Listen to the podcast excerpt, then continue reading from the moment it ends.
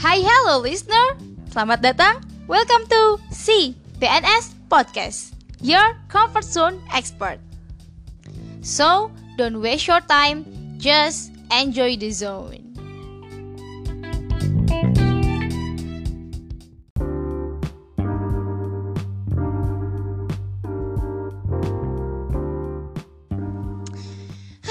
Udah hari ke-14 social distancing ya social distancing resmi yang dikeluarin sama sekolah-sekolah, SD, SMP, SMA, kantor-kantor atau tempat-tempat umum.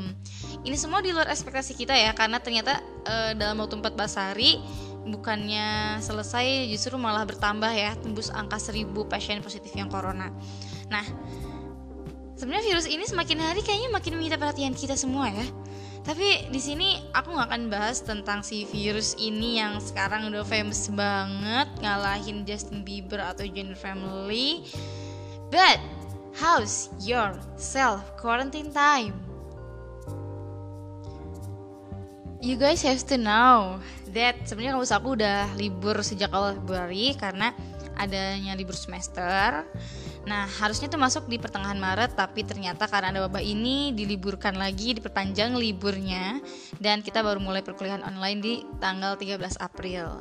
Jadi sebenarnya uh, oh my god, can you imagine that gitu. Sebenarnya aku udah di rumah dari sejak Februari, Maret, April gitu. Kayak udah mau masuk tiga bulan.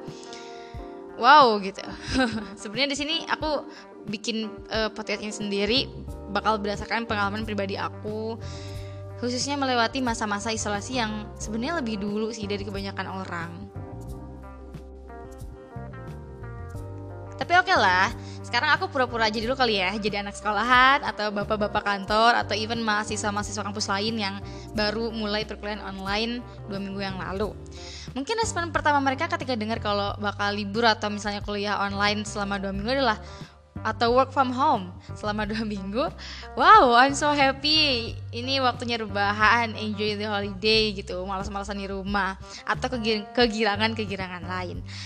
Hey wait tapi apa kalian pikir sebahagia itu ya? Or even that simple Oke, okay, mungkin hari pertama masih merasakan enak-enaknya banget nih tidur atau menikmati bener-bener di rumah kayak gimana, terus uh, menikmati waktu tidur yang lebih panjang dari biasanya, terus uh, main game, terus hari masuk hari ketiga kalian masih happy, uh, tinggal makan, tidur, uh, main HP, YouTube, Twitter, Instagram.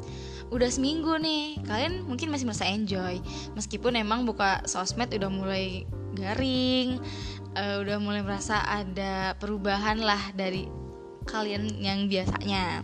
Si movie series udah habis ditonton tapi ya at least kalian masih bisa leyeh-leyeh lah ya gitu di rumah.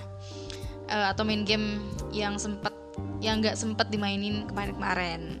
Pokoknya semua itu masih berjalan normal sampai akhirnya kalian merasa ada sesuatu yang aneh gitu perubahan aneh dalam tubuh kalian. Kayak uh, ketika ada orang yang komentar tentang hidup kalian kalian jadi mudah tersinggung atau mungkin ketika kalian diem tiba-tiba jadi overthinking yang berlebihan kecemasan yang berlebihan. Nah uh, pokoknya sesuatu yang berubah di diri kalian yang kalian tuh menjadi lebih sensitif dan menjadi um, tidak seperti biasanya ketika hari-hari kalian bertemu dengan banyak orang Nah terus kemudian kalian jadi aneh sendiri gitu. Jadi kayak bingung kok aku jadi lebih sensitif Kok aku jadi li lebih mudah tersinggung, lebih mudah emosi Atau misalnya lebih mudah nangis sebagian orang Atau lebih mudah tertawa. Misalnya perubahan emosinya tiba-tiba berubah gitu yang awalnya.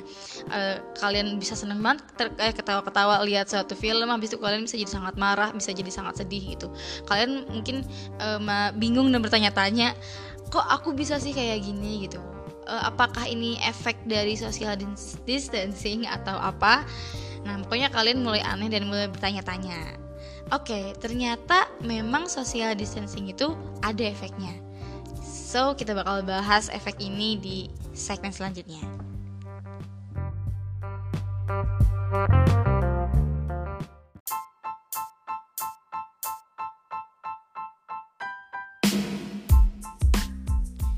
Oke, masuk di segmen kedua. Kita bakal bahas tentang apa sih penyebab uh, perubahan emosi atau perubahan mental uh, selama kita bersosial distancing. Oke, sebenarnya tindakan pemerintah ini udah tepat sekali ya, tepat banget mengenai social distancing ini. Para ahli kesehatan juga sepakat bahwa satu-satunya jalan atau cara untuk menekan penyebaran si virus ini adalah dengan cara isolasi atau berdiam diri di rumah dan membatasi kontak fisik. Tapi, apakah praktik social distancing atau menjaga jarak sosial ini dapat dilakukan oleh masyarakat dengan disiplin dan tetap sehat jiwa? Dalam SHAP, si Barbara Nussel, PhD, nih si kepala bagian klinis di Newport Academy, itu mengatakan bahwa emang sebenarnya masyarakat kini tuh hidup dalam teknologi yang sangat canggih. Maksudnya orang-orang bisa berinteraksi tanpa harus bertemu secara fisik. Nah, tapi namanya manusia itu pasti tidak terlepas dari berbagai sentuhan dengan yang lain. Maka dari itu membatasi interaksi fisik dapat menyebabkan kesepian. Nah, sebuah tinjauan penelitian yang diterbitkan dalam The Lancet juga menemukan bahwa karantina dengan berdiam diri di rumah dapat menyebabkan gejala-gejala gangguan stres pasca trauma atau PTSD, kebingungan, dan kemarahan. Dengan beberapa penelitian menunjukkan bahwa si efek ini tuh dapat bertahan lama.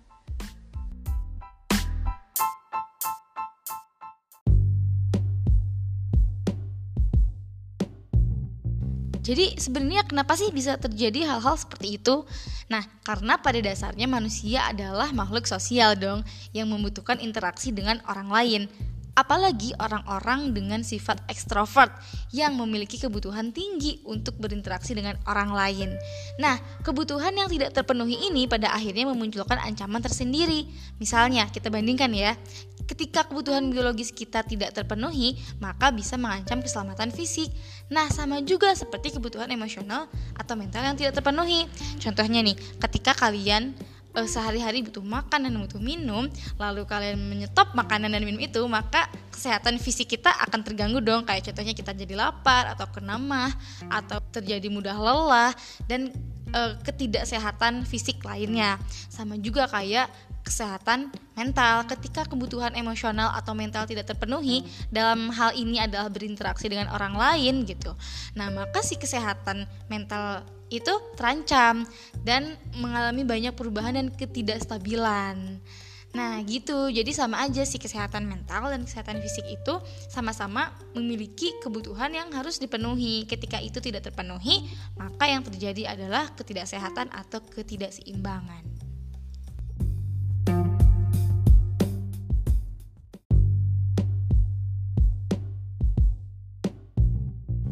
Nah, alasan lain juga karena sebenarnya dengan karantina atau isolasi diri itu justru lebih melelahkan daripada kita berangkat ke kantor atau ke sekolah setiap hari. Nah, kenapa bisa lebih melelahkan dengan karantina atau isolasi di rumah? Karena kita melakukan segala sesuatu aktivitas itu di rumah.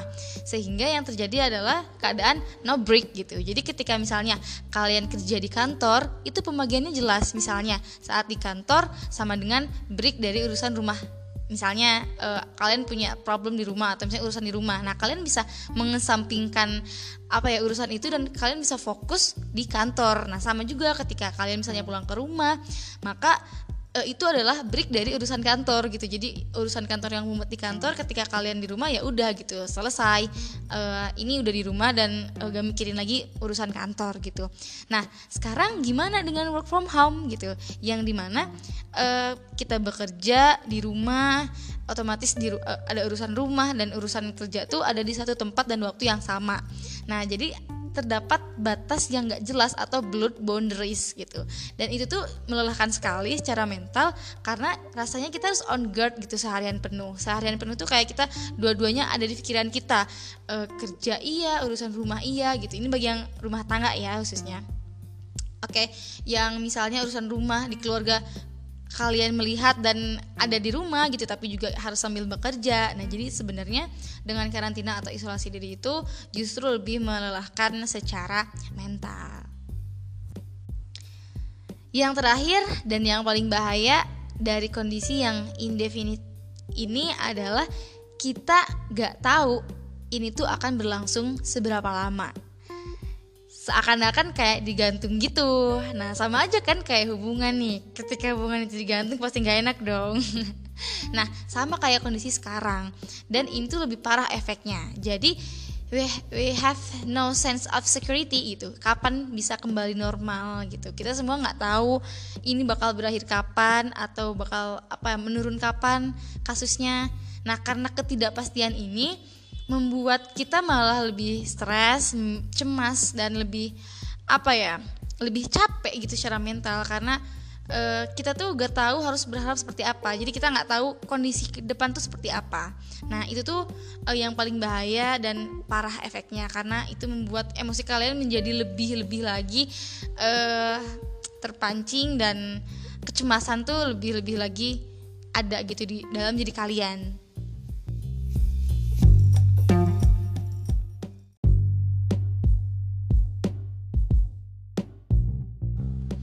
Nah, udah terpecahkan kan sekarang kenapa kita atau teman-teman merasakan perubahan emosi yang aneh di tubuh selama social distancing ini? Ya, ini adalah salah satu gangguan kesehatan berupa mental. But should we scared? No, harusnya kita takut kayak aduh, ini kesehatan mental nih, aku harus datang ke psikiater atau kayak gimana? Enggak kok teman-teman santai aja. Karena pada dasarnya manusia adalah penyembuh terbaik bagi dirinya sendiri. Maksudnya gimana sih? Maksudnya adalah nih contoh kecilnya adalah ketika kita terluka e, fisik ya, secara fisik berdarah, maka akan ada vitamin K dan apa ya namanya serat-serat e, yang kemudian akan menyembuhkan dan menutup luka kita sendiri dengan sendirinya. Sama juga seperti sistem imunitas di dalam tubuh kita. Jadi ketika ada kuman masuk, maka tubuh kita dengan sendirinya bisa uh, menyembuhkan diri sendiri gitu dengan adanya imunitas. Nah, sama nih seperti kesehatan mental. Jadi ada bahasanya self healing gitu. Kita bisa kok menyembuhkan gangguan gangguan-gangguan mental yang ada di dalam tubuh kita sendiri. Tapi gimana sih cara kita mengatasi hal itu semua gitu? Menghandle emosi atau um, memanajemen stres dan emosi itu sendiri aku bakal ngasih beberapa tips uh, yang aku kutip juga dari artikelnya Momis Daily. Di sini terdapat beberapa step yang harus dilakukan ketika emosi kita sedang ada di puncak-puncaknya atau sedang melebihi batas.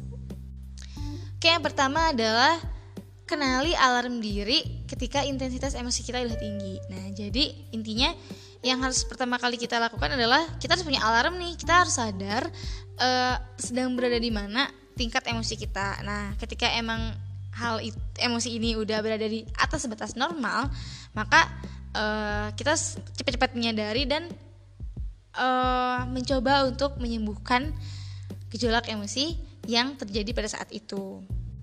Yang kedua, excuse yourself from that situation. Kuncinya dari ini semua adalah kita harus belajar untuk membuka hati, membuka pikiran, membuka diri gitu untuk menerima situasi yang terjadi pada saat ini gitu. Jadi intinya ya kita harus menerima bahwa memang seperti ini situasinya. Memang seperti ini kita tidak bisa keluar rumah, tidak bisa banyak bepergian dan tidak bisa banyak berinteraksi dengan orang. Ketika kalian udah istilahnya berdamai dengan situasi, maka kalian akan membuka hati kalian atau membuka uh, tubuh kalian dan diri kalian untuk diobati oleh diri sendiri. Nah, jadi kalau masih dibenteng, kalau masih denial, kalau masih menyangkal gitu kayak menyangkal emosi dan masih apa ya, tidak menerima keadaan kalau ya tidak menerima keadaan yang terjadi saat ini, maka akan sulit untuk diobati. Nah, ketika diri kalian sendiri udah membuka dan menerima, maka itu akan lebih mudah diobati. Jadi langkah selanjutnya adalah calm yourself down. Jadi tenangkan diri kalian ketika kalian ketika kalian sudah menyadari dan menerima situasi, maka langkah selanjutnya adalah menenangkan diri kalian masing-masing. Nah, setelah itu barulah di repeat gitu. Jadi ketika hal itu terjadi, maka diulang lagi dari step awal, diulang dari step awal. Pertama sadar dan kedua menerima keadaan. Itu sih kuncinya. Terus ada lagi nggak nih yang bisa kita lakukan selama uh, social distancing ini? Ya ada banget. Yang pertama adalah uh, harus memastikan ya kalau uh, stok makanan atau cemilan favorit kita tuh ada karena itu bisa jadi P3K-nya emosional kita ketika dibutuhkan. Misalnya gitu kan ketika kita lagi aduh ini uh, lagi bete atau lagi bad mood biasanya kita makan atau nyemil sesuatu yang kita suka terus uh, embrace emosi dan proses secara ak melalui karya nah ini penting banget ya jadi uh, ketika kalian merasakan emosi yang tidak stabil di tubuh kalian, hal yang harus dilakukan adalah menyalurkan emosi itu dan menjadikannya karya. Kalian bisa nulis atau misalnya vlogging atau misalnya podcast kayak gini, menggambar atau misalnya melakukan hal-hal lain. Nah, kalian jangan menyepelekan hal-hal seperti menulis gitu yang apa sih nulis emang bisa uh, menyembuhkan.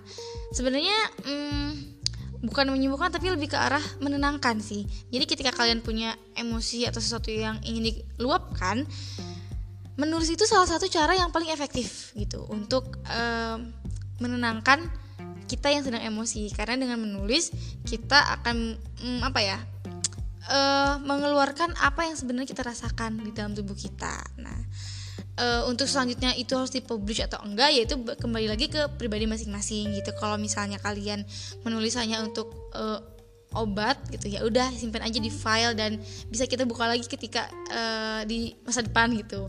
Atau bisa juga kalian menjadikan itu sebuah karya yang dilihat orang atau berniat untuk menginspirasi orang. Itu bisa itu tergantung uh, kalian masing-masing.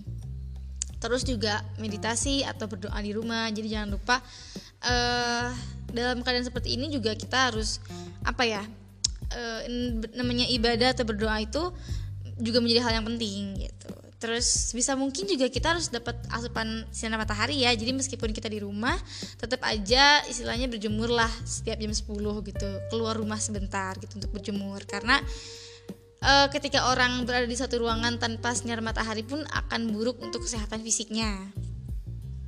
Nah terus uh, interaksi juga di maintain interaksi dua arah dengan society menggunakan platform digital yang ada. Kayak contohnya chatting atau Skype atau apalah kalian ngobrol dengan orang-orang tetap ngobrol tetap keep in touch gitu. Meskipun nggak berinteraksi secara langsung atau ketemu secara langsung.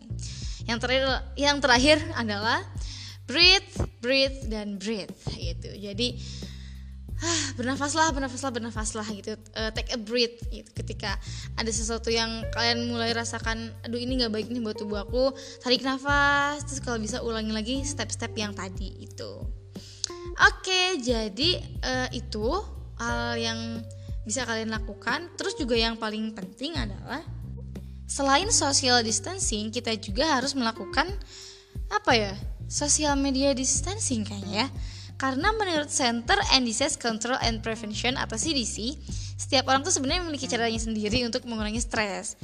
Namun, yang paling mungkin dan sangat membantu adalah beristirahat sebentar dalam menonton, membaca dan mendengar tentang isu COVID-19 ini.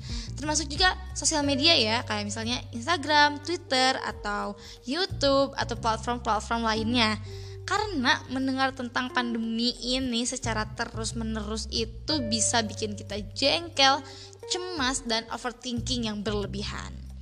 Nah, hal serupa juga dikatakan sama Nosol bahwa media massa dan media sosial itu kadang memicu kepanikan dan kecemasan berlebih. Nah, itu kan jadi intinya selektif dalam memilih atau terhadap paparan media dan membatasinya dapat memperbaiki kesehatan mental kita semua. Nah, jadi begitu juga caranya uh, kita untuk menjauhkan rasa emosi itu datang lagi dan kecemasan itu datang lagi adalah dengan membatasi apa yang kita baca berita negatif ya yang ada di sosial media. Nah, gitu.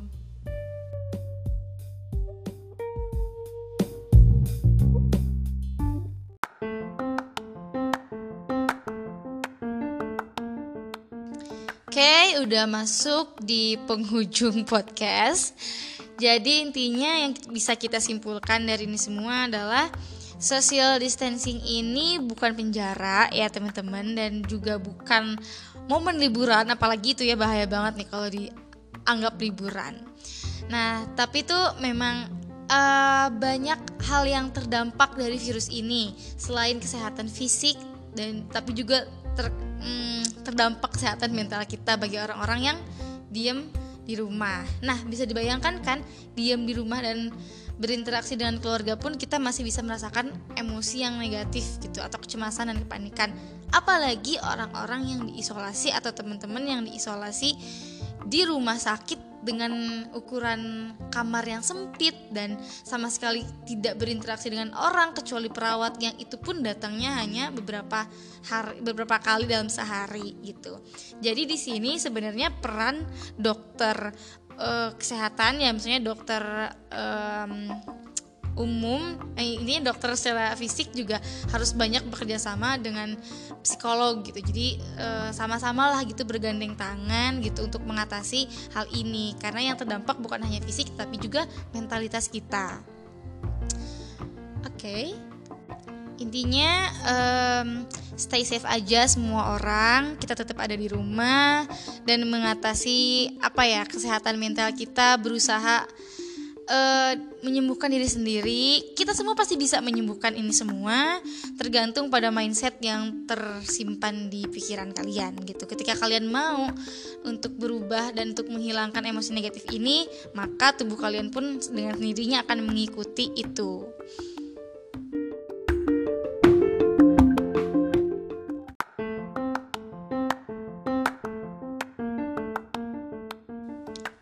Oke, itu aja yang bisa aku sampaikan. Makasih banget buat teman-teman yang udah dengerin sampai akhir penjelasan orang yang sok-sok jadi psikolog ini padahal uh, kita sama-sama belajar dan aku pun bikin materi ini juga untuk reminder buat tubuh aku sendiri karena uh, itu yang terjadi di dalam tubuh aku dan ketika aku menerapkan hal itu it works gitu. Jadi semoga ini bisa uh, inspiring teman-teman dan membantu teman-teman juga. Sampai di sini aja. CPNS Podcast close.